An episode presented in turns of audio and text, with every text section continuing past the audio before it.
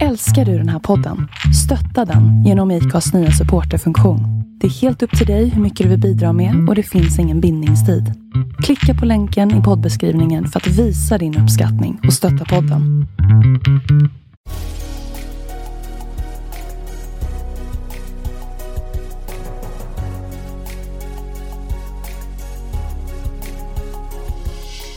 Välkommen till podden Vart är vi på väg? I denna podd intervjuar vi sociala entreprenörer och andra personer som är involverade i ekosystemet kring socialt entreprenörskap. Vi vill ge dig som lyssnare tips och inspiration till hur innovativa idéer och entreprenörskap kan vara lösningen på de samhällsutmaningar som vi står inför. Vi vill även inspirera människor till en livsstil med hållbara vanor och vi vill självklart lyfta fram alla fantastiska sociala entreprenörer i rampljuset.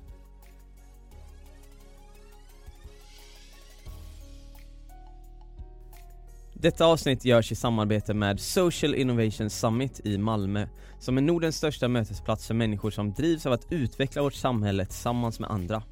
Social innovation handlar enkelt uttryckt om att hitta lösningar på samhällsutmaningar. Ofta genom att skapa nya relationer och bygga broar för samarbete över sektorsgränser. Bakom Social Innovation Summit står Mötesplats Social Innovation, den samlande nationella kunskapsplattformen för social innovation och socialt entreprenörskap i samarbete med Malmö universitet och Malmö stad.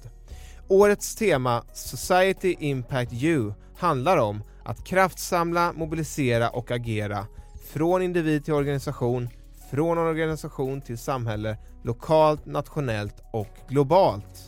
I år finns vi på plats med podden Vart är vi på väg? Med mig Jonathan och Jon på Impact Arena en del av SI Summit som syftar till att höja kunskapen om samhällsförändrande investeringsformer, metoder och affärsmodeller för gränsöverskridande samarbeten. Vi kommer också leda samtalen på MSI Studio för att ge olika perspektiv, Society, Impact, You genom att fånga nutida och framtida röster från Malmö, Sverige och världen kring hur vi kan maximera social innovation som samhällskraft för att påskynda utvecklingen av ett mer välmående, socialt hållbart samhälle. Det här tycker jag låter väldigt intressant och vill du gå på SE Summit den 12-13 november i Malmö? Genom koden Jon och Jonathan får du som lyssnare möjligheten att köpa en biljett till denna konferens på sesummit.se två dagar för endast 1500 kronor, hela 1000 kronor i rabatt. Så passa på så ses vi i Malmö den 12 till 13 november. Tack så mycket!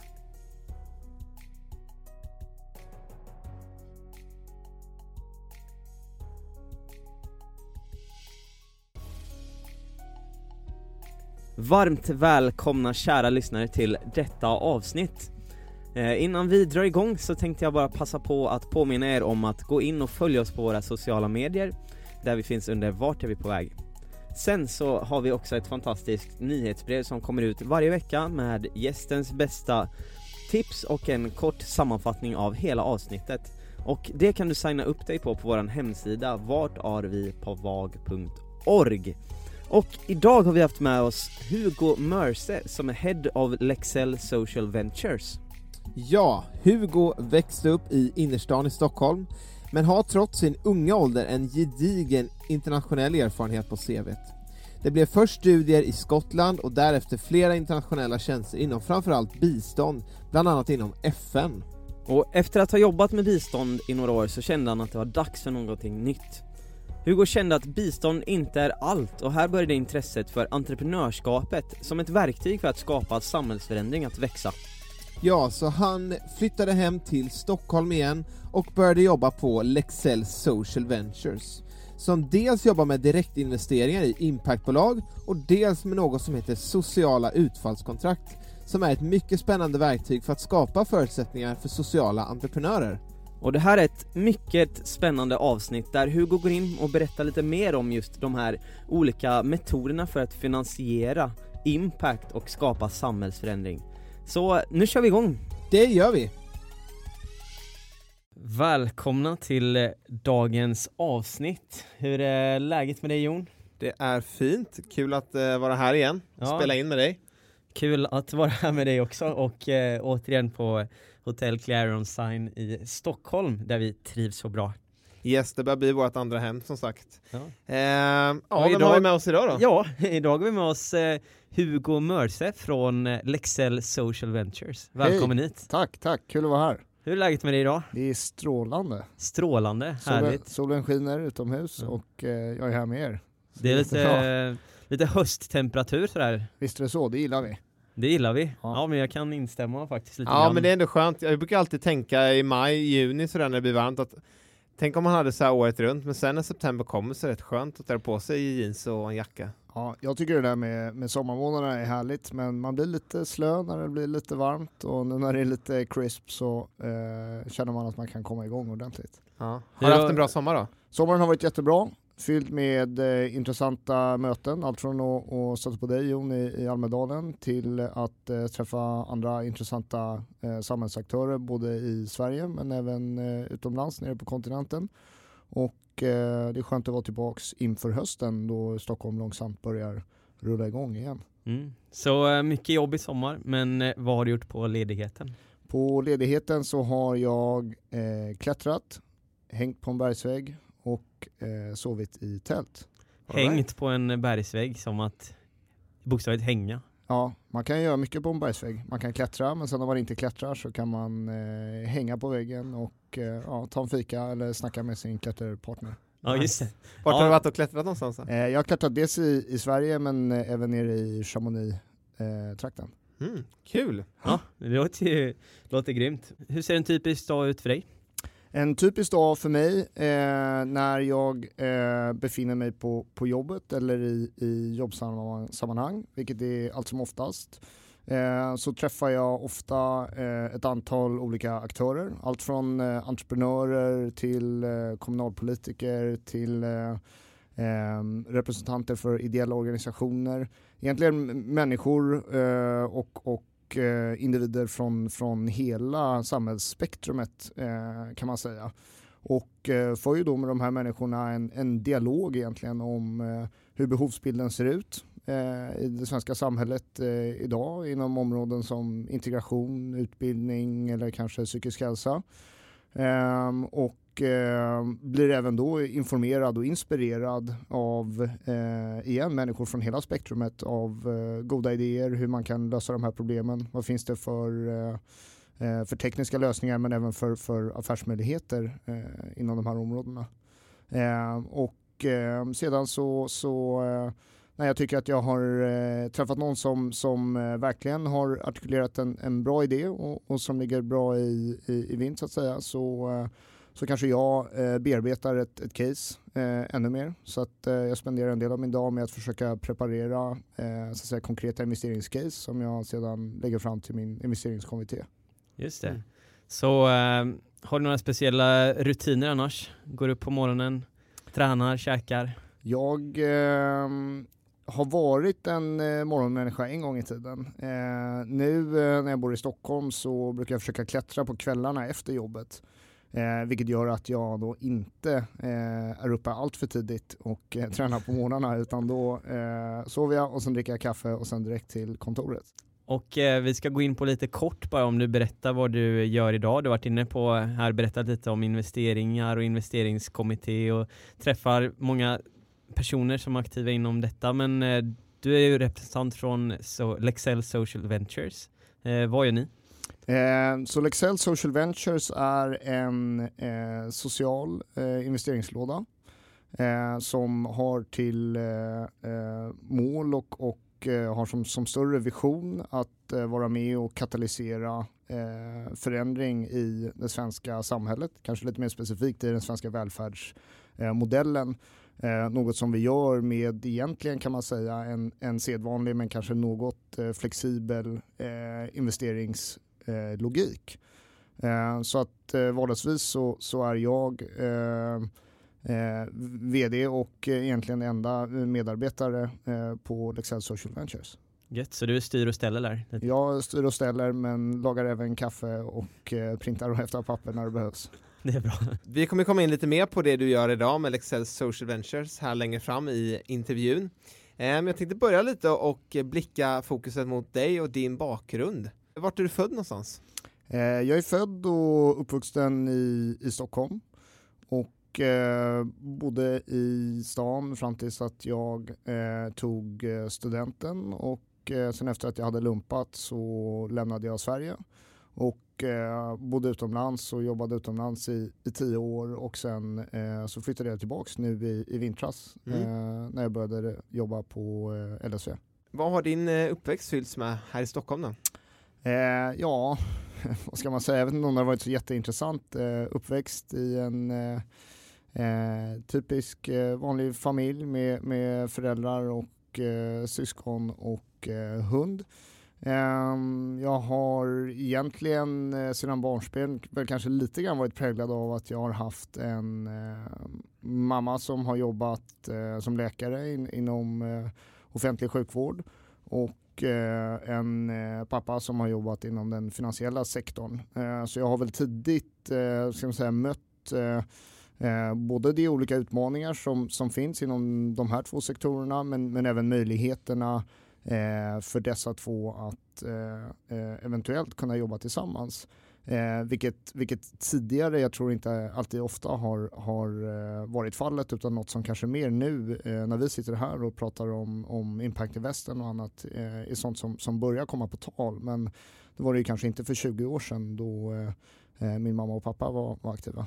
Mm. Vad var det annars som intresserade dig, eh, jag tänker med skola och, och sådär? Um, i grund och botten så är jag nog en eh, humanitär eh, generalist. Jag, eh, jag gillar människor. Eh, jag har alltid drivits av intresset för, för människor, att få interagera med människor, lära mig människor, träffa nya typer av människor. Eh, något som väl eh, lite till mitt förtret också har speglats i min, min utbildning. Eh, jag har ingen direkt eh, eh, finansutbildning, jag har inte läst business eller finans utan har hela tiden sökt mig mot mer eh, samhällsorienterade eh, humanistiska utbildningar. Eh, så politik, historia, språk och det är väl det som egentligen alltid har, har triggat mig att få, få träffa eh, andra människor med en annan bakgrund, annan syn på saker och ting och eh, föra ett samtal eh, om eh, olika saker och ting. Är du intresserad av att förstå hur saker och ting hänger ihop då?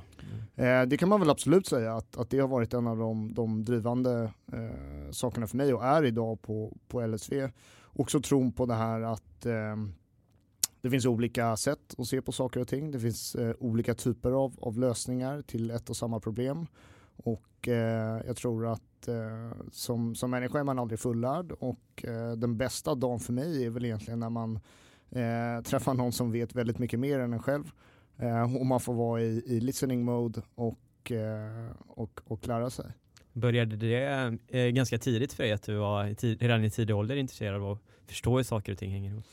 Ja, eh, jag vet väl inte, jag ska inte porträttera mig själv som någon typ av, av liksom aktivt målsökande eh, liksom ung eh, eh entreprenör som sökte lösningar, för det var definitivt inte fallet. Eh, utan snarare så att eh, Eh, det som intresserade mig liksom var alltid de, de ämnena där eh, olika folk och, och, olika typer av människor och, och, olika perspektiv fick, fick komma till tals. Sen tror jag att det är först nu på, på senare hand, eh, efter de senaste eh, sådär 5, 6, 7 åren när jag har kommit ut eh, ordentligt i arbetslivet som, som jag har förstått att eh, de perspektiven och, och de eh, inspelsvinklarna eh, kan ha en viktig roll eh, i hur man eh, till exempel bäst då, eh, investerar kapital för att få social effekt och så vidare. Hur ser din familjesituation ut? Har du syskon också? Jag har eh, en syster som heter eh, Ebba eh, som bor i eh, New York och eh, hon är kreativ. så att eh, från henne så har jag väl alltid fått eh, en, en, kreativ eh, input som eh, jag i grund och botten kanske har eh, saknat själv. Mm. Eh, vilket är härligt. Det känns ju ändå som att du under din uppväxt har varit väldigt fokuserad och intresserad av det här med att förstå sig på människor, samband mellan olika grejer. Hur var det i skolan att, att ha det intresset? Möttes det positivt eller var det liksom att man var på sin kant och körde sin grej liksom? Um, jag tror väl framförallt, uh, jag hade en jättebra och, och lycklig tid i, i, skolan upp tills att jag tog studenten och jag tror inte egentligen att den tiden på något sätt profilerade mig eller, att jag profilerade mig själv utöver alla andra i, i eh, klassen. Jag var nog ganska Eh, ganska medel, eh, både i, i, vad jag intresserade mig för och hur jag presterade och, och så vidare. Eh, men jag tror det som, som var intressant för mig var att eh, få studera efter studenten utomlands eh, i Storbritannien Eh, där man har länge haft och, och, fortsätter ha en annorlunda syn på det här med liksom eftergymnasial utbildning. Eh, det vill säga att det är mer lagt åt att eh, man studerar mer generella humanistiska ämnen. Även om man sen vill gå in och, och jobba som aktieanalytiker så är ofta fallet att du har läst eh, grekisk eh, historia eller du har läst eh, persiska eller du har läst eh, engelsk litteratur. Eh, så mer en, en öppenhet i, i det eh, så att säga, utbildningssystemet för att eh, få följa den här typen av, av humanistiska, eh, liksom mer generella eh, människointressen än att med en gång tvingas in i en roll som civilingenjör eller, eller ekonom eller eh, något liknande. Vilket min uppfattning är i alla fall att, att så lite grann mer är, är fallet i, i Sverige.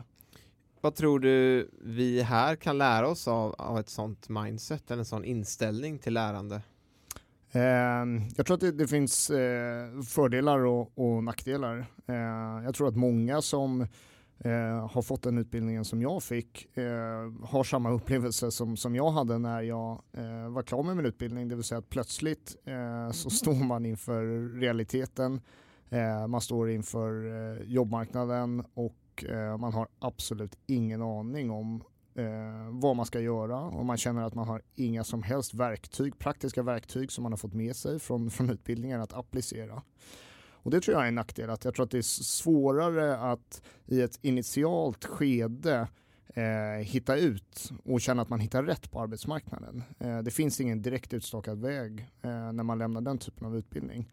Eh, det som jag tror är bra är att man har en eh, kanske mer generell analysförmåga. Det vill säga att man har kanske inte nischat sig på ett område utan du, du har en bredare förståelse för saker och ting. Eh, och det tror jag det beror helt på vad du ska göra. Jag menar, ska du bli läkare, ja, då ska du plugga naturvetenskap och, och anatomi eh, och, och, biologi. Eh, du ska liksom inte plugga eh, grekisk historia, det är ju självklart. Men ska man till exempel jobba inom ett område som eh, ja, impact investment, vad det nu är för något, eh, to be defined, eh, så kan det eventuellt vara så att det kanske är positivt att kunna förstå eh, den ekonomiska biten men även den sociala biten eh, för att kunna lappa ihop. Så jag tror att det, det beror på lite, olika skolor kan vara bra beroende på vad man vill göra eller var man hamnar någonstans. Mm. Hur var det bland dina peers där på universitetet till exempel? Eh, visste de ändå vad de ville inrikta sig mot att göra efter studierna? Um, jag tror att det finns bland mina studiekamrater eh, de som inte var svenskar utan som var britter eller europeer eller amerikaner eller asiater eller eh, afrikaner eller australiensare. Eh, att det fanns en annan öppenhet för att eh, studera och, och ha ett, eh, ett open mindset. Eh, det vill säga de var nog inte alla helt säkra på var de skulle eh, ta vägen någonstans. Under uppväxten är det några övriga händelser som har format den du har blivit idag? Um, jag tror att jag eh, tidigt eh, relativt sett tidigt, i alla fall under, under gymnasietiden, eh, hade en möjlighet att söka mig eh, utanför min egna eh, comfort zone eller, eller utanför mitt egna, min egna geografiska omgränsning också ganska tidigt. Eh, jag tror att jag på sätt och vis så, så växte jag verkligen upp i, i innerstad Stockholm eh, och, och eh, och, och, och, där var jag säkert fast i någon typ av bubbla, men att jag hade möjligheter att eh, ensam eh, åka ut och, och liksom försöka jobba och få erfarenhet och lära mig språk och, och träffa andra typer av människor eh, på somrarna eller på, på lov genom praktik och så vidare. Um, och det tror jag överlag har nästan alltid varit ett mönster um, för mig. Uh, det kan vara att när jag sitter lite för länge i samma båt så börjar det klia lite under skinnet. Uh, och det tror jag har, har drivit mig ut och uh, det för mig har varit jätteviktigt. Mm. Var det dina föräldrar eller andra omständigheter som pushade dig till att Eh, söka dig utanför din comfort zone eller var det egentligen du själv som kom till insikt om det? Ehm, jag tror någonstans att det eh, säkerligen hos, hos de flesta unga människor eh, finns en eh, finns en önskan eller en, en, attraktion till att få, få göra annorlunda saker och när man gör annorlunda saker, eh, det kanske inte alltid är kul eller, eller behagligt men att eh, man får någon typ av, av eh, liten kick. Eh, så jag tror mer att det är, är allmänt och, och, finns nog inom de, de, flesta av oss om vi, om vi får eller, eller skapar möjligheten. Vad har varit den största grejen med att eh, växa upp i innerstockholm? För, för oss, vi är uppväxta i en liten småländsk stad vid kusten. Eh, hur, har, hur har det liksom format dig att växa upp inne i stan? Ja, eh, jag har väl egentligen alltid sagt till mina föräldrar att jag önskar att jag fick växa upp just i en liten småländsk stad vid, vid kusten. Eh, och eh, jag tror länge att jag fortfarande har någon typ av dröm om att eh, ha haft en annan uppväxt, eh, närmare till naturen, eh, kanske jobba med, med djur och, och jordbruk och, och, eh, och bo i ett mindre samhälle. Eh, och eh, jag vet inte om det är gräset är grönare på andra sidan eh, eh, eh aspekten eller om eh, Eh, om, om det verkligen är så. Men, eh, men jag tror att växa upp i innerstan, antingen om man gör det från start eller om man senare som, som ni liksom under studier eller annat kommer hit.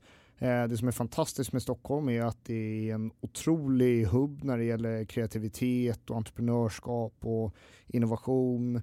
Eh, och det märker jag idag, även om jag har varit borta i tio år och jag kommer tillbaka och nu i, i min egenskap av att eh, leda LSV att det finns ett otroligt nätverk mm. eh, med människor eh, och det är ett stort nätverk i, i en ganska liten stad. Eh, så att eh, det är väldigt förmånligt att, att kunna navigera runt i, i det nätverket. Eh, så det är en väldigt bra och, och kreativ plattform egentligen. Eh, om man är entreprenör eller, eller, vad man nu är för något. Mm. Jag håller med, det är nog svårt att hitta det klustret eller den här typen av eh, nätverksmöjligheter någon annanstans i, i Sverige faktiskt. Mm, mm. Vad är det du kan, ehm, eller har du något tips på till stockholmare som vill hitta ut i naturen? Har du, brukar du dra ut och göra någonting här i trakterna? Liksom? Eh, ja, alltså jag kan väl säga om man verkligen vill få en, en schysst naturupplevelse i centrala, centrala Stockholm eh, så kan jag tipsa om att det finns en fantastiskt fin eh, bergsvägg vid Münchenbryggeriet så dit kan man dra och, och klättra om man är sugen. Kanske man träffar på mig där. Eh, och annars så, eh, så tycker jag att Stockholms skärgård är, är det absolut bästa som finns. Så att eh, ta med sig ett tält ut och antingen med, med egen båt om man har eller med, med Vaxholmsbåtarna eh, åka ut och eh, slå upp tältet på något eh, lämpligt skär. Grymma tips. Har du någon sån här eh, vana att typ, eh, brukar du sova ute eller någonting annat sådär lite sjukt? Ja, eh, när jag, jag bodde innan jag flyttade hem eh, till Stockholm så bodde jag i, i, eh, i London och eh, då brukar vi, då hade vi ett eh, sånt takfönster upp, vi bodde högst upp i ett hus i, i centrala London och då eh, titt som tätt så, så brukade jag, eh, hade jag en repstege och så klättrade jag ut och så tältade jag på, på taket ibland eh, för att få lite eh, naturfeeling. Mm. Och eh, efter det här med ja, gymnasiet, du sa att du flyttade till, eh, till eh, England och började studera. Vad, vad var det som hände efter studierna där då? Vart tog det fart sen när du kom ut med din utbildning och inte riktigt, visste vart du skulle ta vägen? Ja, ehm, eh, det, precis. Det enda jag kom ut med var väl ett, ett fortsatt intresse att, att engagera mig i, i olika typer av samhällsorienterade frågor och, och jag tänkte, jag visste inte, skulle det vara politik, skulle det vara jobba för UD, skulle det vara att eh, jobba för ett stort internationellt företag ehm, så jag började min bana lite trevande eh, genom att jag fick en, en möjlighet att eh, jobba för, för UD eh, i Wien och jobba vid en organisation som heter OSSE, Organisationen för säkerhet och samarbete i Europa. Ehm, och var där i åtta månader och jobbade för dem. Vi jobbade mycket med Ukraina. Det var precis när, när eh, vad ska man säga, Ukraina-krisen eh, bröt ut 2013-2014. Eh, så vi jobbade mycket med liksom, diplomatiska frågor. Hur eh, kan man genom diplomati försöka eh, begränsa och hantera eh, konflikten, i det här fallet i, i östra Ukraina. Eh, det var för mig en jättebra upplevelse för att jag insåg att jag eh, aldrig ville jobba på, på UD. Eh, det var jag var omgiven av fullständigt fantastiska människor. De, de smartaste och eh, mest intellektuella och, och eh, upplevelsemässigt och erfarenhetsmässigt eh, mest spännande människor jag någonsin har träffat. Eh, men jag fann det så extremt eh, frustrerande att, att all deras, alla deras idéer, all deras intellekt eh, inte fick, fick komma till skott utan hela tiden begränsades av Eh, att locket lades på eh, på grund av att man inte fann konsensus eh, i, i, diskussioner med, med andra delegationer från andra länder och så vidare. Och konflikten i, i östra Ukraina fortsatte att rasa. Eh, och allt arbete, alla timmar, alla briljanta människor, eh, effekten var mycket liten. Så för mig eh, så, så, insåg jag snabbt att eh, för mig personligen är det här inte eh, området där, där jag vill, vill jobba med människor och, och lösa samhällsproblem. Eh, och på så sätt så var det en jätteviktig erfarenhet. Ehm, och jag tror att när man, när man går genom livet eh, så den här tron att man eh, steg för steg för steg hela tiden ska hitta rätt med en gång. Att man varje erfarenhet ska vara briljant, lysande, kul, rolig Eh, självklart är en, är en myt eh, och jag tror att det finns ett extremt värde i att eh, göra saker som man inser att man inte alls tycker om att göra. För då kan man eh, kryssa av det från sin lista och, och ta, ta, med sig de eh, begränsningarna som fanns eh, på det jobbet eller i den uppgiften eh, och säga att det här måste man kunna göra bättre någon annanstans. Mm. Mm. Du började på OSSE, eh, men eh, och som du säger att ta steg och sen upptäcka att det här kanske inte var rätt men ändå ta med sig erfarenheterna. Var, var OSSE det första som du hamnade på eller liksom har du tagit några andra steg för att komma dit innan? Eh, nej, jag hade, som jag nämnde tidigare så har jag väl sen gymnasietiden alltid försökt att, att eh, på somrarna eller på lov ta tillvara på möjligheter att eh, testa egentligen olika, olika erfarenheter, olika jobbrelaterade erfarenheter. Um, så när jag landade på OSSE så hade jag under, under tidigare somrar um, varit en del. Jag hade jobbat med, med mikrofinansiering i Sydostasien en sommar. Jag hade jobbat inom uh, mjölkindustrin i, i Libanon och uh, jag hade varit på ett gäng olika ställen. Uh, så att uh, OSSE var nog egentligen bara ett, ett fortsatt steg i att försöka hitta något där, där jag kunde addera värde. Mm. Och du, eh, jag läste också att du hamnade på något som heter Actis Strategy. Ja, eh, stämmer var, var det efter OSSE? Ja, precis. Och, och, min tid på, på Actis var egentligen för mig det, det naturliga steget efter OSSE. Jag kände att OSSE var för eh, byråkratiskt för mig. Och och eh, då kände jag att jag vill gärna jobba med liknande typer av frågor. Jag vill jobba internationellt, jag vill jobba med olika typer av människor, jag vill jobba med, med större samhällsproblem. Eh, ehm, och ehm, så då började jag jobba för, för Active Strategy som eh, egentligen var en, en eh, privat konsultlåda som specialiserade sig på internationell utveckling. Det vill säga att man eh, designade, implementerade och, och mätte effekt av större utvecklingsprojekt eh, i utvecklingsländer. Så det var någon eh, slags eh, statsfinansierad eh, byrå där? Ja, precis. Så att vi, vi jobbade mot, eh, kan man säga, amerikanska och engelska motsvarigheterna till UD och, och Sida. Eh, och som har en något mer eh, offensiv roll i att eh, sponsra och, och efterfråga den här typen av utvecklingsprogram. Mm. Ehm, som, som egentligen jag menar, handlar om att eh, det handlar om att skapa olika typer av, av social impact på en, på en bredare eh, nivå. Det kan handla om att försöka eh, stabilisera Ukraina ekonomiskt, juridiskt, rättsvårdsmässigt etc. Eh, det kan handla om att eh, stärka en oberoende mediasektor i ett utvecklingsland.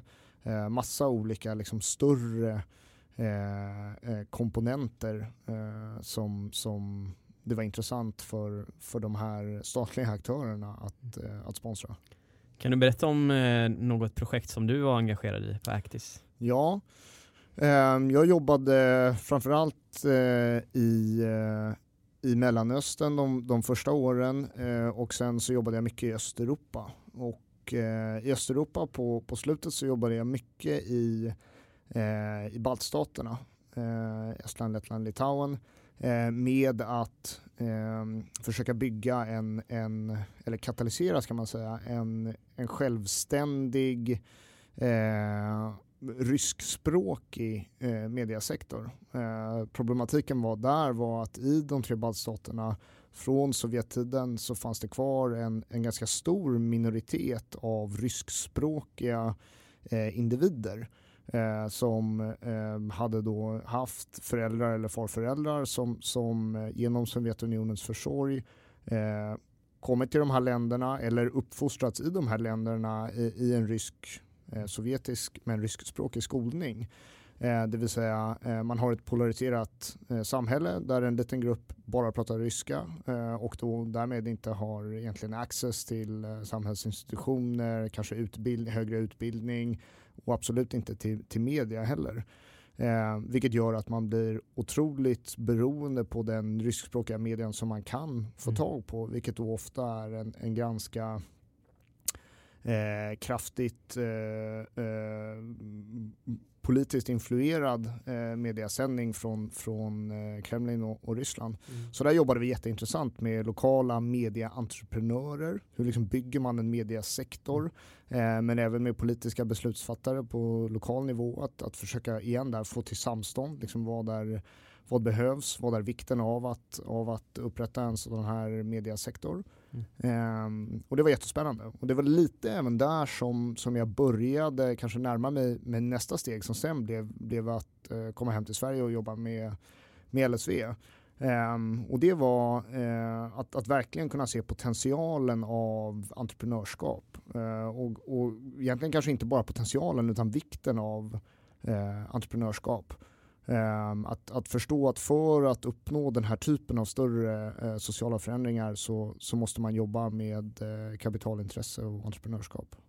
Det där är väldigt spännande för det är en, en ingång in i det här ämnet som jag tycker är väldigt intressant att se det, det ni jobbar med där och det är verkligen djupgående, om man ska säga social impact på ett sätt där man, där man för en människogrupp ska öppna upp samhället, öppna upp omvärlden eh, och, och jobba med sådana typer av investeringar och om man säger här på hemmaplan med, med allt möjligt som är liksom integration eller mer fundamentala grejer eh, känns väldigt intressant och, och, och, där som du säger innan också att den bakgrunden du har och, och, och att jobba med sånt här är väl viktigt att ha den här bredden kanske. Eh, det tror jag absolut och, och, jag tror att det finns otroligt mycket för eh, impact investment-sektorn att lära sig från egentligen liksom international development-sektorn. Eh, även om den absolut inte är, en, är eh, ultimat i, i, i, hur den verkar.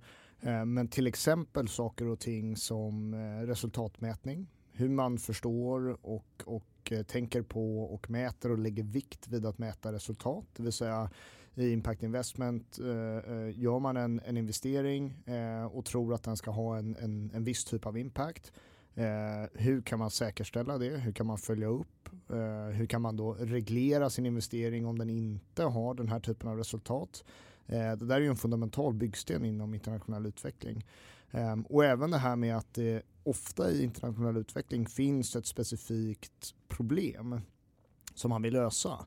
Det vill säga man alltid jobbar utifrån en, en theory of change. Det vill säga man säger att om jag gör A så kommer B inträffa och då löser vi problem C. Eh, det vill säga att eh, man härleder eh, både var problemet ligger någonstans men även vilken lösning som kommer att vara effektiv.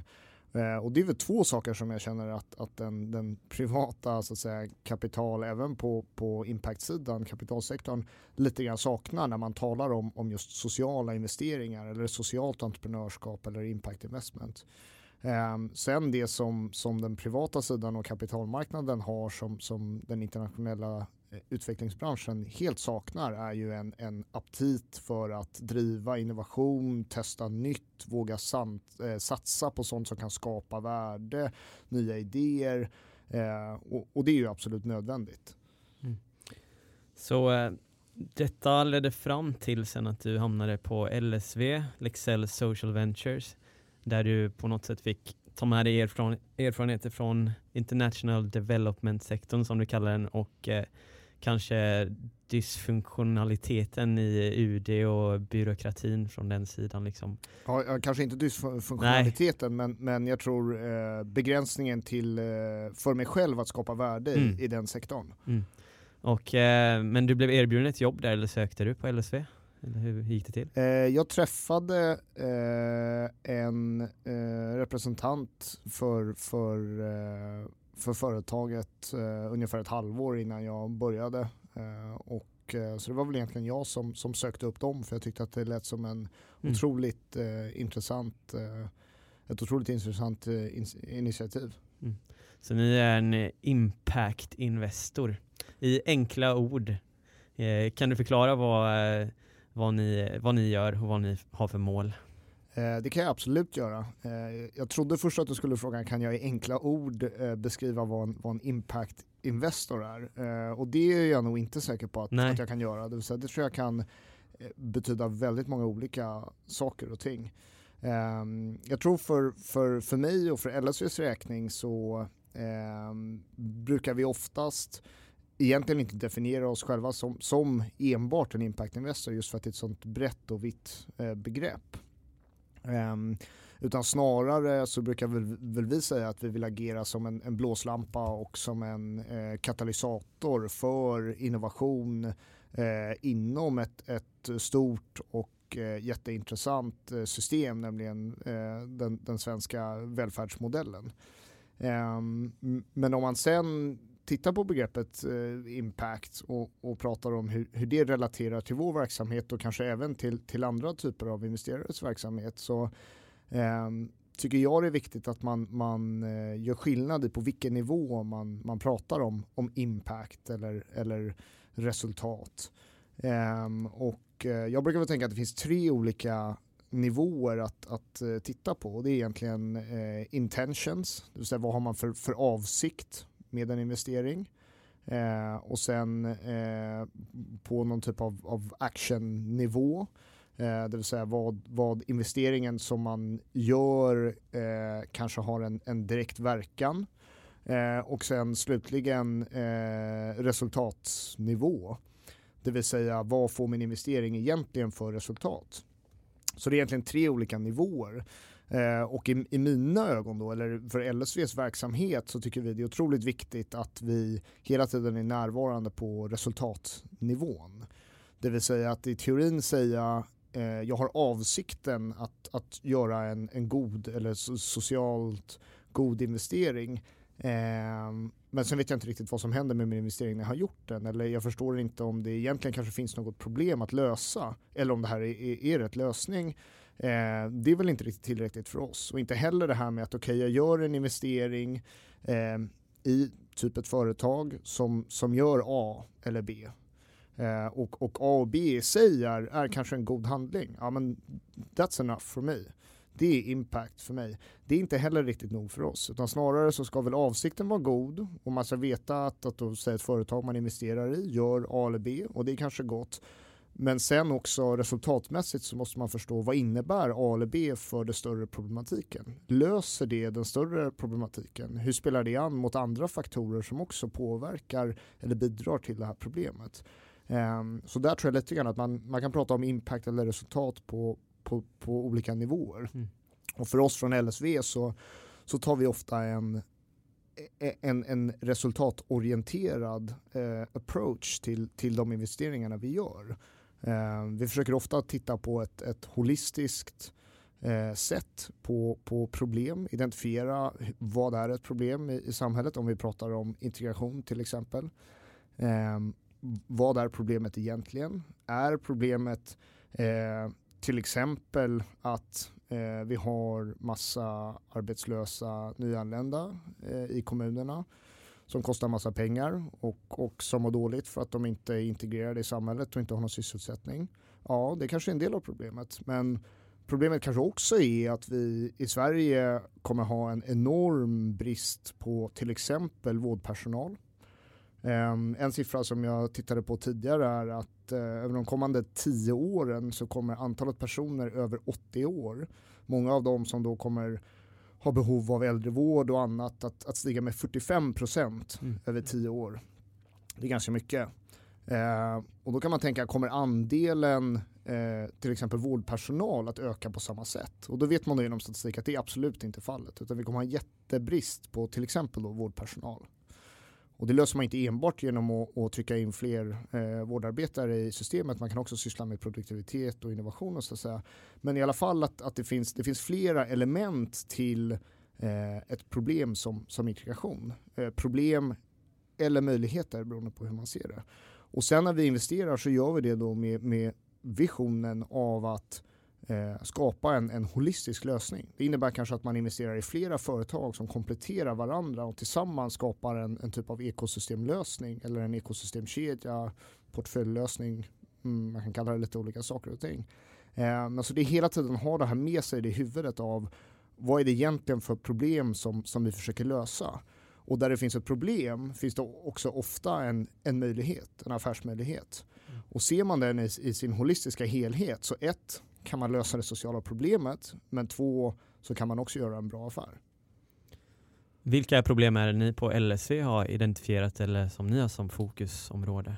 Um, ehm, LSV har, har initialt, ska jag säga, valt att, att framförallt, inte enbart, men framförallt arbeta med, med utbildning, psykisk hälsa och eh, just integration.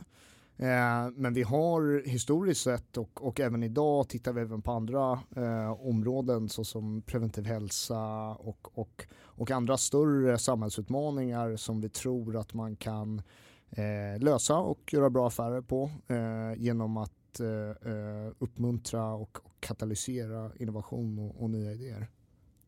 Så detta är eh, de områdena som ni fokuserar på och eh, hur gör ni för att skapa de här portföljerna av bolag eller vilka olika typer av investeringar gör ni? Ja, um, vi gör väl igen, i huvudsak ska jag säga, gör vi två typer av, av investeringar. Um, sen är vi, tenderar vi att vara ganska flexibla och, och man måste väl erkänna att om, om, vi, om man vill vara en, en katalysator för innovation och nya idéer så kan man heller inte låsa sig för mycket i vilken typ av investeringar eh, man ska göra. Men, men i huvudsak så gör vi två typer av investeringar och eh, det ena är att vi eh, gör direktinvesteringar i, eh, i unga eh, bolag Um, och då när vi tittar på de här bolagen så har vi ett antal ganska traditionella investeringskriterier. Så vi liksom tror att det ska vara finansiellt eh, hållbart och, och, lönsamt och vi tror att det ska finnas en, en skalbarhet. Eh, etc, etc. Ganska straightforward och, och likt många andra eh, vanliga investerare som egentligen kanske bara är ute efter en bra affär. Ehm, men sen genom vår samhällsanalys då, som, som vi är själva men som vi även då genom vårt, vårt nätverk av, av människor och ehm, experter inom offentlig, privat, ideell sektor ehm, så ska vi, tror vi även att, att de företagen vi investerar i har genom sin affärsmodell och sin affärsprodukt eller affärstjänst har en funktion att, att spela, antingen själva eller, eller i ett större sammanhang i att lösa ett, ett eh, samhällsproblem. Så dels engagerar vi direkt och gör direkt vanliga direktinvesteringar i, i bolag som vi, vi tror har en roll att spela. Eh, och sen eh, parallellt med det så jobbar vi även mycket med något som, som vi kallar utfallsmodeller. Eh, och för att enklast eh, förklara eh, hur en utfallsmodell ser ut så, så kan man titta på eh, vad vi har gjort tillsammans med Norrköpings kommun, eh, vilket vi initierade 2015-2016 eh, och eh, vilket var och, och är idag Sveriges första sociala utfallskontrakt. Eh, och ett socialt utfallskontrakt är, är internationellt eh, känt som eller, eller kopplat till något som kallas social impact bonds.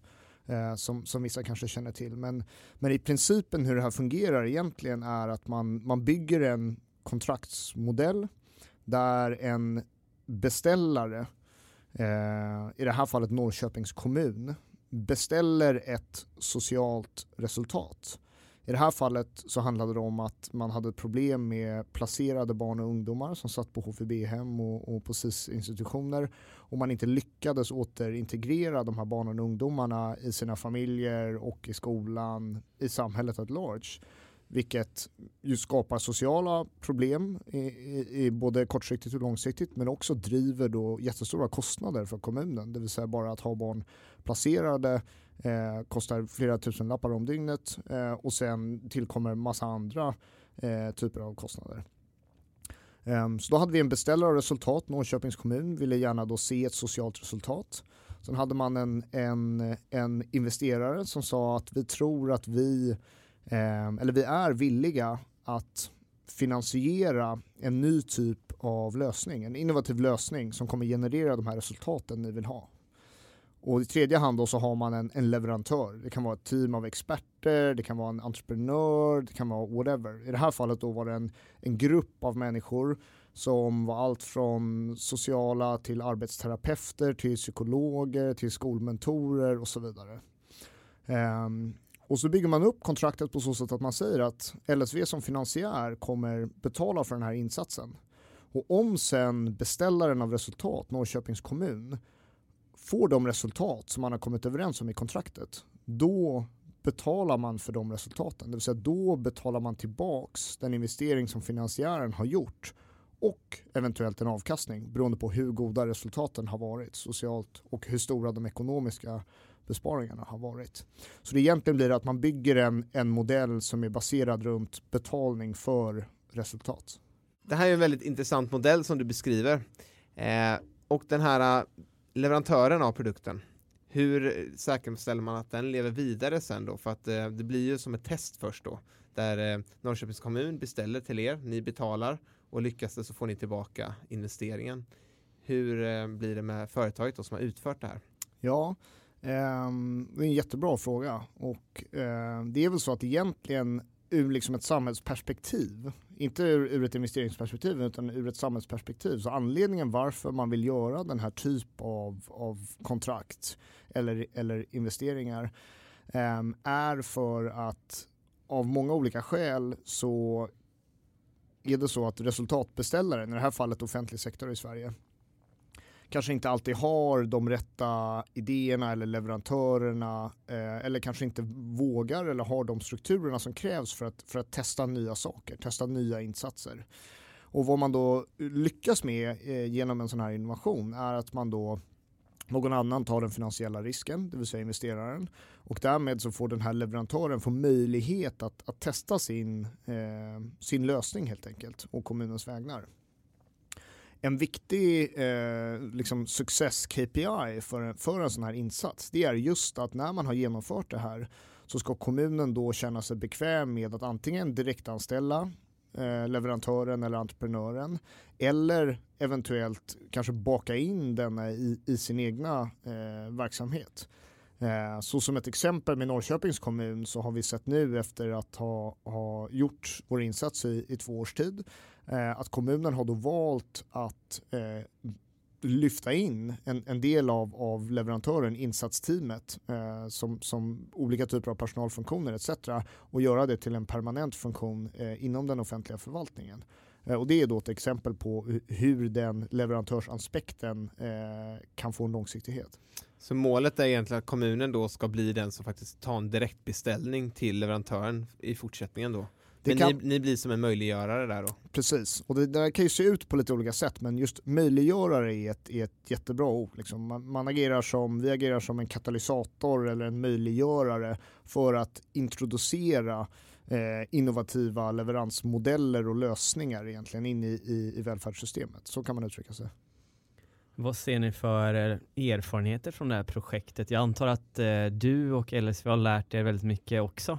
Eh, men eh, hur har det gått så här långt med projektet i Norrköping just? Vi har lärt oss jättemycket från det här projektet och eh, jag tror vi som organisation har lärt oss mycket men jag tror även att eh, samhället och, och många aktörer runt omkring oss eh, har lärt sig jättemycket eh, av genomförandet av det här första kontraktet vilket hela tiden också var vår ambition. Det vill säga vi tror att man kan kvalitetssäkra mycket eh, inom hur man spenderar ja, skattepengarnas medel egentligen eh, inom det offentliga och i välfärdssektorn genom att eh, bygga och centrera upphandling och tjänsteleverans runt just utfall och, och, resultat. Och då är ett socialt utfallskontrakt ett sätt att göra det på. Så vår ambition har alltid varit att, att försöka genom att, att sticka ut hakan och, och ta initiativ och testa Eh, att också här agera som en katalysator för byggandet av en utfallsbaserad marknad egentligen. Eh, så, så mycket viktigt med Norrköping för oss har varit att ett, vi lyckades genomföra tillsammans med Norrköpings kommun. Vi hittade en, en fantastisk eh, innovativ, pragmatisk eh, eh, kommun i sig som, som, som såg potentialen och, och var villiga att genomföra det här. Eh, vilket är jätteviktigt.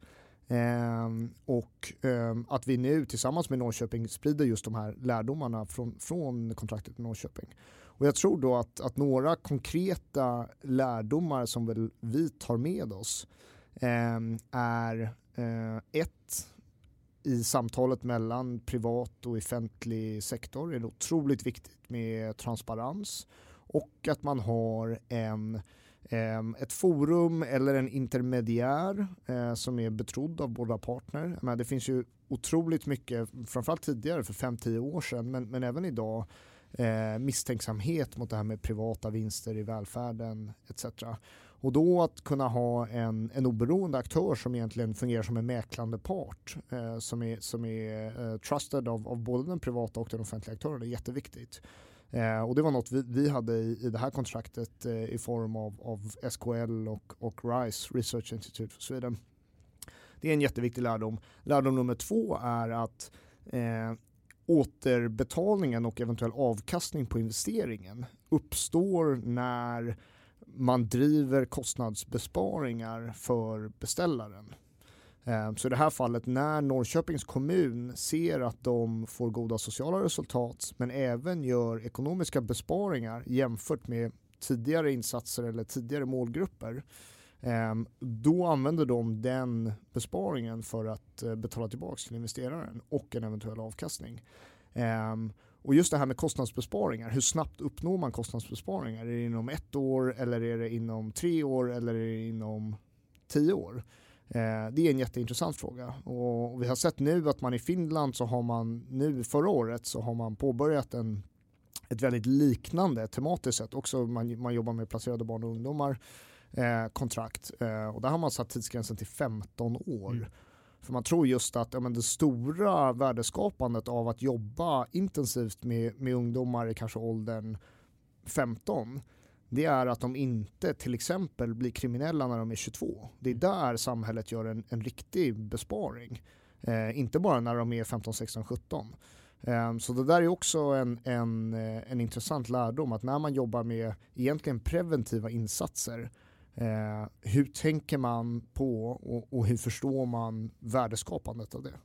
Ja, det finns ju flera studier gjorda, bland annat Skandia har gjort ett par stycken kring just det här med utanförskapets kostnader och sånt. Och det är ju ofantliga summor som det kostar. Och det är ju som, de tar ju också den här åldersgruppen att om du fångar dem mellan 16 till 25 år så kan du spara uppåt 12,5 miljon per person som du räddar ifrån att komma i då ett utanförskap och istället komma in i jobb eh, och, och, istället att bidra med skattepengar och så till samhället. Och det är ofantliga summor om man tar det i, i förhållande till vad många av de här insatserna kostar så är det ju småpengar.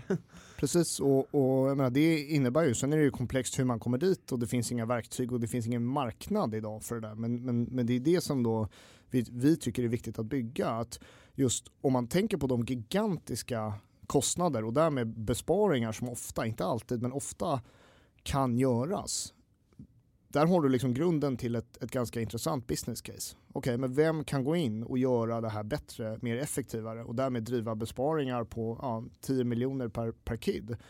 Där pratar du om en jättevinst och, och därmed en jätte, potentiellt jättebra avkastning om du är investerare. Mm. Jag har förstått det som att i eh, framförallt Storbritannien så har eh, kanske är liksom den största marknaden för sådana här sociala utfallskontrakt. Um, är det någonting särskilt så här för den svenska kontexten som ni har märkt inte funkar eller fungerar bättre jämfört med andra länder? Ja, just när man pratar utfallsmodeller då så, så stämmer det att man har eh, varit tidig med att, att testa och genomföra eh, en del exempel i just eh, Storbritannien. Eh, och man kan väl säga att eh, baserat på antalet genomförda kontrakt och, och den allmänna investeringsviljan i den typen av kontrakt eh, så har man kommit längre i Storbritannien. Vad man ska dock komma ihåg är att, är att eh, i Storbritannien så finns det eh, inte ett välfärdssystem på samma sätt som det finns i Sverige. Eh, utan i Storbritannien så är den sektorn, om vi pratar om sociala tjänster egentligen, eh, i, i, i, den bemärkelsen som vi pratar om när vi, när vi säger välfärdssektorn i Sverige, eh, är till väldigt stor del eh, baserad på privata och ideella framförallt eh, organisationer. Det vill säga man har en helt annan struktur, eh, en helt annan grund, det finns ingen som det länge i Sverige har funnits. Det finns inget liksom allomspännande ofta väldigt välfungerande eh, offentlig struktur som, som levererar välfärd. Det har man inte i Storbritannien. Så där, därför är det ett eh, eh, ofta kanske ett lite missledande exempel att titta på. Man kan titta på Finland som eh, har, har kommit längre än Sverige och som kanske är mer likt i, i strukturen. Eh, vad man har gjort där är att man har, har tagit ett, ett top-down initiativ och sagt att det här är jätteviktigt och, och, som du sa Jon, vi ser att det här kostar för mycket pengar. Alla de här, kallar det utanförskapen eller andra typer av sociala utmaningar, det kostar så mycket pengar, skapar så mycket lidande och som det är nu så lyckas vi inte lösa det här och problemen kommer inte försvinna. Eh, så vi måste göra något. Så där har man tagit ett, ett politiskt beslut att man har testat att, att från toppen eh, fondera egentligen då kapital för att, att betala eh, investera i den här typen av, av kontrakt. Det vill säga man väntar inte på att en organisk marknad ska växa ut med investerare som LSV utan man tar ett, ett politiskt beslut och kliver på det. Det har man hittills inte gjort i Sverige. Eh, kommer det ske? Eh, det får vi se.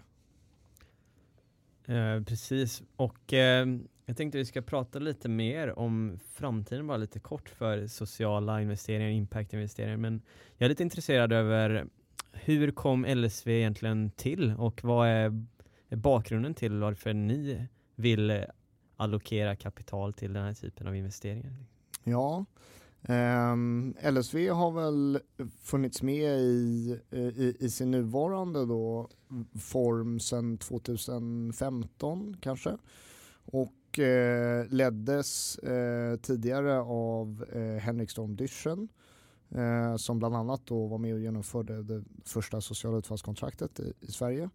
Eh, men jag tror bakgrunden eh, och, och, och, det mandatet och den visionen som LSV har eh, går nu ännu längre tillbaks och eh, hittas i alla fall delvis som inte helt i eh, eh, vår grundare och sponsor Larry Lexell eh, som jag har en bakgrund med att ha, ha startat och, och utvecklat eh, eh bolaget Elekta ehm, som eh, sysslar med, med cancerbehandling och medicinteknik etc. Ehm, och jag tror därifrån och även genom hans engagemang i, i olika typer av, av ideella föreningar, bland annat Stadsmissionen där han har suttit som ordförande i styrelsen Eh, så har Larry med sig en vision av att eh, de problem som vi ser i samhället är så pass komplexa att ett, det måste till samverkan mellan privat, offentligt och, och ideell sektor. Annars kan vi inte lösa de här problemen. Och två, entreprenörskap och innovation, det vill säga push boundaries, testa nya saker är extremt viktigt för att vi ska kunna leverera kvalitet i, i fråga om, om välfärd etc. Um, ehm, så det är, är, kommer mycket från, uh, från, från Larry himself tror jag. Hur ser du då på eh, framtiden just för de här typen av investeringar? Eh, kommer det krävas att det kommer någon typ av politiskt beslut eller kommer ni få med er fler på tåget som vill investera som LSV? Um, ehm, jag tror mycket vad som, som händer i, i framtiden eh, inom det större området av, av impact investment som de, mm, både i, i, i vår bemärkelse, eller i vår definition innehåller såväl eh, liksom komplexa utfallskontrakt som vi gör med kommuner till de direktinvesteringar som vi gör i, i små eh, mindre bolag som kanske har en, en social funktion i samhället eh, kommer påverkas av, av ett flertal faktorer. Eh, allt från, från vad händer med eh, liksom världsmarknaden och det ekonomiska läget och vad får det för konsekvens på hur villiga eh, personer är att, att göra impact investment. Eh, det vill säga vilken, vilka investeringar i, i, i ens portfolio kommer eh, bankerna att icke prioritera när, när man får dra åt svångremmen till exempel. Eh, men jag tror överlag så tror jag att oavsett om det är direktinvestering eller utfallskontrakt, det som den stora trenden vi kommer se tror jag är att vi, vi kommer se mer och mer eh, innovation inom det, det preventiva. Återigen Jon, tillbaka till din poäng med hur kan man göra early interventions? Hur kan man skapa preventiva modeller? Eh, där man har en möjlighet att testa innovativa lösningar som, som egentligen då hanterar, uppmärksammar och hanterar sociala problem tidigt i processen innan de har hunnit driva stora kostnader. Eh, och, eh, det är ju liksom ett, ett enkelt skolboksexempel och det som måste till för att det här ska hända är bara att vi får fler och fler instrument, finansiella instrument för att man ska kunna göra det. Vi bygger en marknad oavsett om det är en, en marknad för utfallskontrakt eller, eller på ett annat sätt Eh, så skapar vi en förståelse, en, en, standardiserad marknad och en ökad fokus på det. Men det, det är nog min spaning att vi kommer gå från det här att hela tiden vara reaktiva till att bli mer preventiva. Precis, det där har du helt rätt i och det är väl det som är utmaningen idag när man jobbar med offentlig sektor att man jag kan i alla fall uppleva att det skrapas väldigt mycket på ytan. Det är väldigt mycket kortsiktiga vinster, eh, kanske delvis för att man har ett mandatperiod att tänka på. Även att man kanske inte tänker att det är på grund av det så ligger det någonstans där i bakhuvudet ändå och påverkar beslut. Vad tycker du om du får liksom sammanfatta kortfattat liksom största förändringen eller diskussionen som kommer behöva till eh, bland politiker för att liksom öppna upp mer och komma mer mot en förståelse av att vi behöver agera preventivt och tänka långsiktigt, tänka förbi våra mandatperioder? Um, ja, det där är ju en, en jättesvår uh, politisk uh, fråga, men jag tror att um, jag tror diskussionen finns där. Jag tror diskussionen sker nu och jag tror att uh, vi har sett en, en vi ser en helt annan diskussion idag än vad vi såg för fem år sedan om just preventiva insatser, preventivt värdeskapande och hur man kan investera eh, offentlig, privat eller annan aktör i preventivt värdeskapande. Så jag tror diskussionen sker nu. Ehm, det som jag tror eh, kommer hända eh, och som är på väg att hända är att vi ser eh, fler och fler aktörer som eh, inte bara do the talk men, men också walk the walk. Eh, det vill säga för varje eh, lyckat och även sen kommunicerat exempel på hur man har kunnat tjäna pengar på preventivt värdeskapande Eh, så tror jag att eh, vi kommer se fler och fler som är intresserade av att göra den här typen av investeringar. Eh, och då menar jag både eh, investerare, det kan vara offentliga eller privata investerare, men även då beställare eh, och även entreprenörer som ser att här finns en jättemarknad. Jag menar, om, om, om jag var en entreprenör idag, eh, liksom, om man antingen då ska göra en, en B2C-produkt som alla andra gör, eller om man ska göra en, en, en produkt som, som inriktar sig på preventivt värdeskapande. Eh, liksom, det är där jag tror att det kommer finnas en, en stor marknad, därmed även för entreprenörer eh, under de kommande åren. Mm. Ni på LSV gör ju då som sagt en hel del investeringar och eh, du har ju berättat både om direktinvesteringar och om de här utfallskontrakten. I vilket läge kan man som entreprenör komma och söka sig till er för att få de här direktinvesteringarna? Ja, eh, jag skulle väl ett säga att eh, vi har absolut eh, investeringskriterier om när vi, vi gör våra direktinvesteringar i, i frågan om hur moget är bolaget, eh, med vilken eh, storlek går vi in och så vidare. Eh, men, men innan jag går in på det så kan vi säga att jag Eh, Eh, jag gillar att ha konversationer med, med människor och entreprenörer eh, långt innan vi, vi investerar. Eh, det är väl lite vår filosofi också i det här att vi är en, en långsiktig investerare. Vi vill gärna förstå en, en entreprenör, vi vill förstå entreprenörens vision, eh, vi vill gärna bli bekanta med, med den typen av eh, eh, område affärsmässigt men även kanske social påverkansområde som, som de är aktiva inom. Eh, så, att, eh, så i dagsläget så för jag samtal med många entreprenörer som vi inte är redo att, att investera i men som vi kanske är om sex månader eller ett år eller två år, vem vet. Eh, men för de bolag som vi, som vi investerar i ehm, då kan man säga i dagsläget så har vi en, en eh, liten portfölj som vi håller på att bygga. Så vi har eh, fem eh, aktiva eh, bolag i, i vår portfölj och, och, kommer nog växa den en, en del under hösten. Eh, och det är då mm, bolag inom eh, bland annat utbildning, så ett exempel där är Sana Labs. Eh, men även inom eh, psykisk hälsa eh, där vi har ett, eh, ett bolag som heter Meru Health. Ett, ett finskt eh, spännande bolag och eh, även ett, ett, bolag som heter Mindmore, ett svenskt bolag som, som sysslar med en, en digitalisering av Eh, processen för eh, kognitiv diagnostisering eh, inom vården. Ehm, och sen eh, slutligen även då inom integration så bland annat så har vi eh, investerat i Just a Ride som sysslar med bemanning av utrikes eh, födda. Eh, men vanligtvis kan man väl säga att vi går in i ett bolag någonstans där eh, affärsänglarna kanske precis börjar bli lite trötta. Så ofta kanske det har varit en vända med affärsänglar innan vi kommer in. Eh, så det här kanske är någonstans steget innan en, en såddrunda eller ibland så kanske det till och med blir en, en såddrunda. Eh, ofta så går vi initialt in i ett företag med någonstans mellan en och tre miljoner. Eh, men vi är långsiktiga så att eh, det händer att vi sen följer upp i, eh, i senare rundor på, på det också.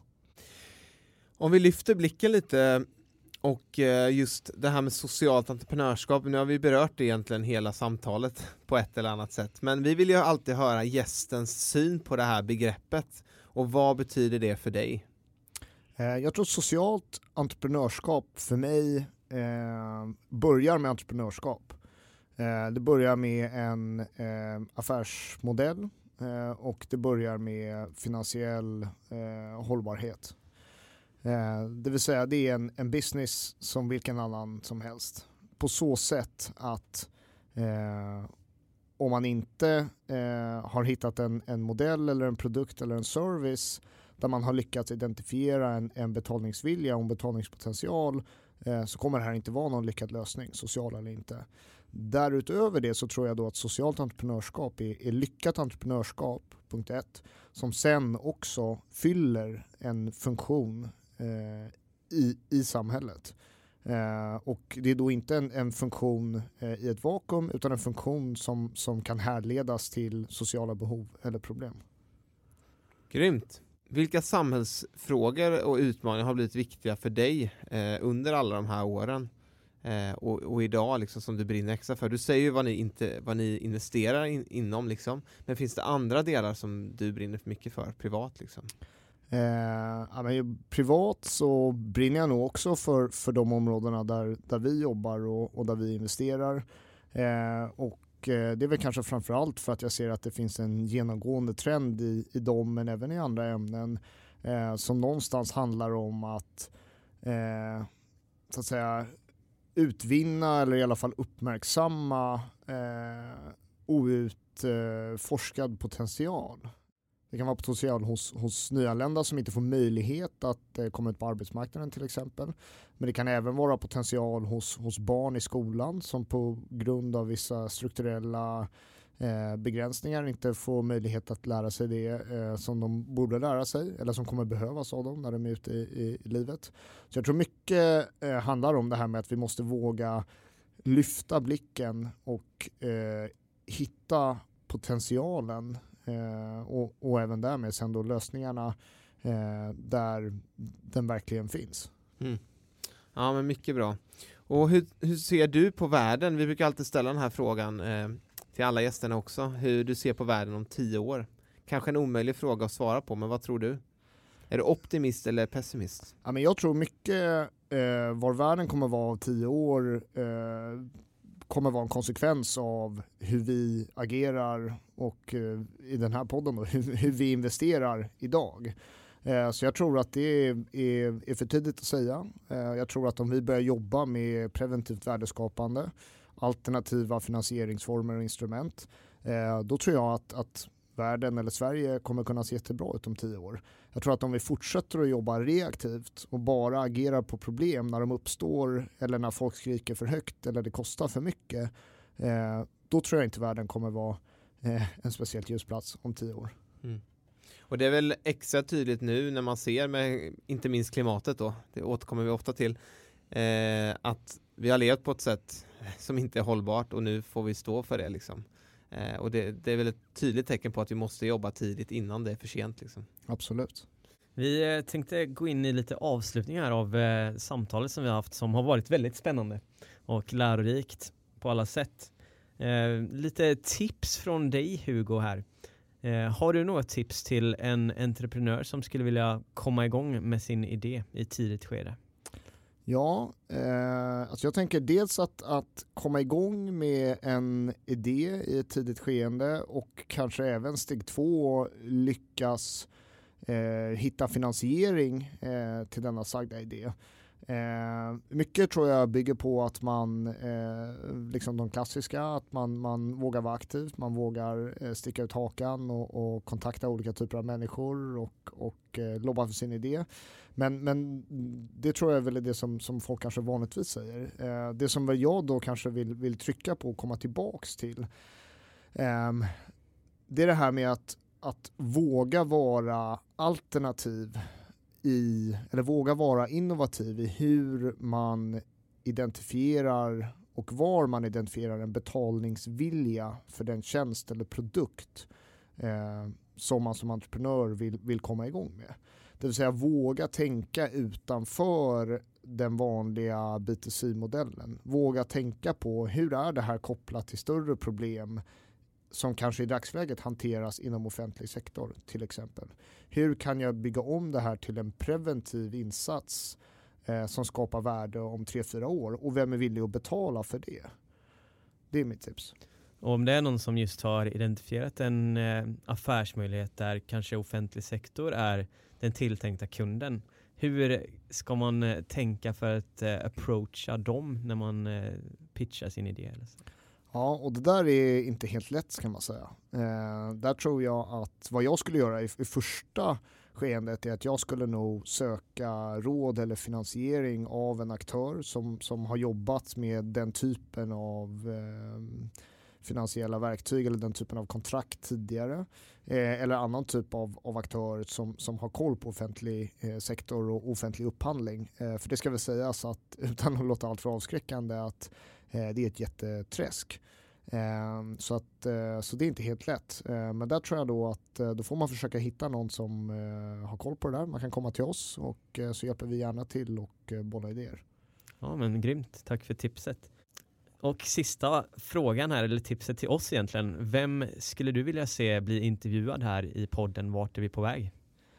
Ja, eh, jag tror väl om, om jag fortsätter eh, predika på, på, på den bana som, som jag lite grann har varit under samtalet här med, med preventivt värdeskapande och, och välfärdssystemet och så vidare.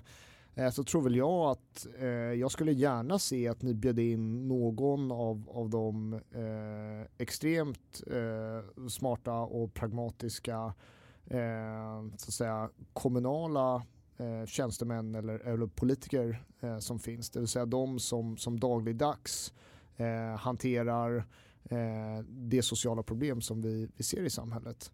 Eh, och det finns många som, som eh, inte är sugna på innovation eh, men det finns också väldigt många som är extremt eh, framåtseende och eh, som, som är riktiga nyckelspelare i att få till den här typen av insatser.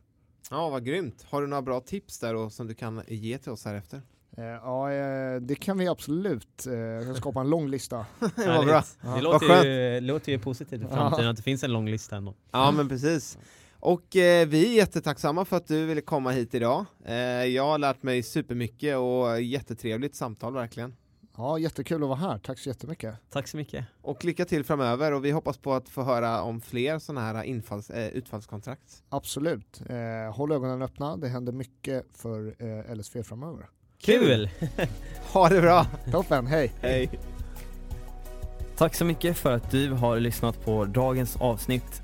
Glöm inte bort att följ oss i sociala medier. Vi finns på Facebook, Instagram och LinkedIn och även vår hemsida vartarvipavag.org. Och om du har möjlighet så får du jättegärna gå in och ratea våran podd på iTunes. Yes, och för dig som vill ta del av podden ytterligare så tycker jag att du ska gå in och signa upp dig för vårt nyhetsbrev där du varje vecka får en liten kort resumé av avsnittet men också de bästa tipsen och de bästa insikterna från gästen som vi har haft med oss.